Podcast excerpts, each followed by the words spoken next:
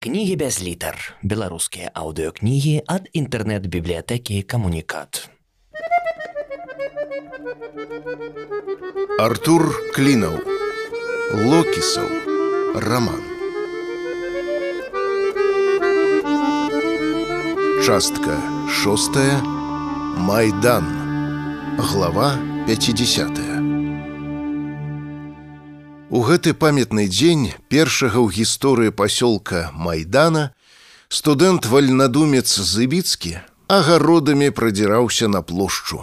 Выглядаў ён нязвыкла, замест раскошнай хіпстарскай барады, любоўна селекцыянаванай у адным з прасунутых мінскіх барбершопаў, на ім красавалася брудна-белая марлевая ануча на палову твару. Другую палову закрывала насунутая на вочы беспародная шапка-аблавушка.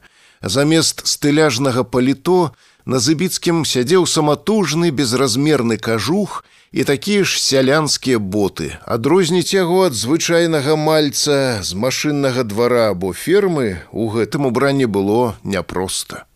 Адзінае што насцярожвала і прыцягвала ўвагу вялікі палатняны мех які боўтаўся ў яго за спінай і трохі дзіўная манера трымацца Зыбіцкі ўвесь час азіраўся па баках, нервова перабягаў ад плота да плота, стараўся схавацца за кустамі, Аднак агароды, якімі гэтай суботняй раніцай ён прабіраўся на майдан, былі настолькі глухія, што па дарозе яго сапраўды ніхто не заўважыў. Дайшоўшы да канца завулка, зыбіцкі спыніўся і выглянуў з-за рога. Да плошчы заставалася няшмат, але наперадзе ляжаў самы небяспечны адрэзак дарогі, шырокая вуліца, што вяла да заплеччаў касцёла. Што локіс нападзе тут малаверагодна, занадта адкрытая мясцовасць, а што калі арудуе не адзіна цэлая банда, Ён выразна сабе ўявіў, як каля яго спыняецца машына з зацемненымі шыбамі, і нейкія ці то людзі, ці то мядзведзі у масках сілай запіхваюць яго ў сярэдзіну, а потым кудысьці вязуць. Ад гэтай карціны забіцкаму зрабілася непамысна. Ён увесь сцяўся, ухапіў мяшок пад паху і, выскачыўшы з-за рога, паляцеў у бок касцёла. Прабегшы метраў 200 ён азірнуўся, ці няма пагоні. Вуліца па-ранейшаму была пустая, толькі некалькі прыпаркаваных аўто стаялі на ўзбочынах. Падазрэнняў яны не выклікалі, шыбы без таніроўкі, а салоны пустыя. Аднак неўзабаве ён заўважыў машыну іншага тыпу. У ёй сядзелі нейкія людзі.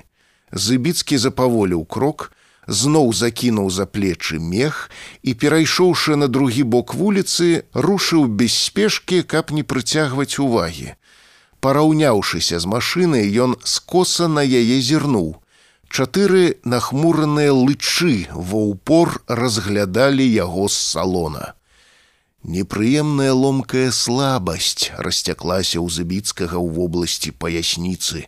Яму нават захацелася прысесці, але замест гэтага ён зноў схапіў мяшок у ахапак і, не зважаючы на канспірацыю, кінуўся далей па вуліцы. Добра да касцёла было ўжо недалёка. Дамчаўшыся да яго тылоў, Зыбіцкі нырнуў у бакавую вулачку пераляцеў праз невысокую касцельную агароджу і, агібаючы храм з нябачнага ад дарогі боку, пабег да брамы, якая выходзіла непасрэдна на плошчу. Пераканаўшыся, што пагоні няма, ён трохі аддыхаўся. Зараз яму трэба было зрабіць апошні рывок, праскочыць паўз Леніна да цэнтральнага універсама.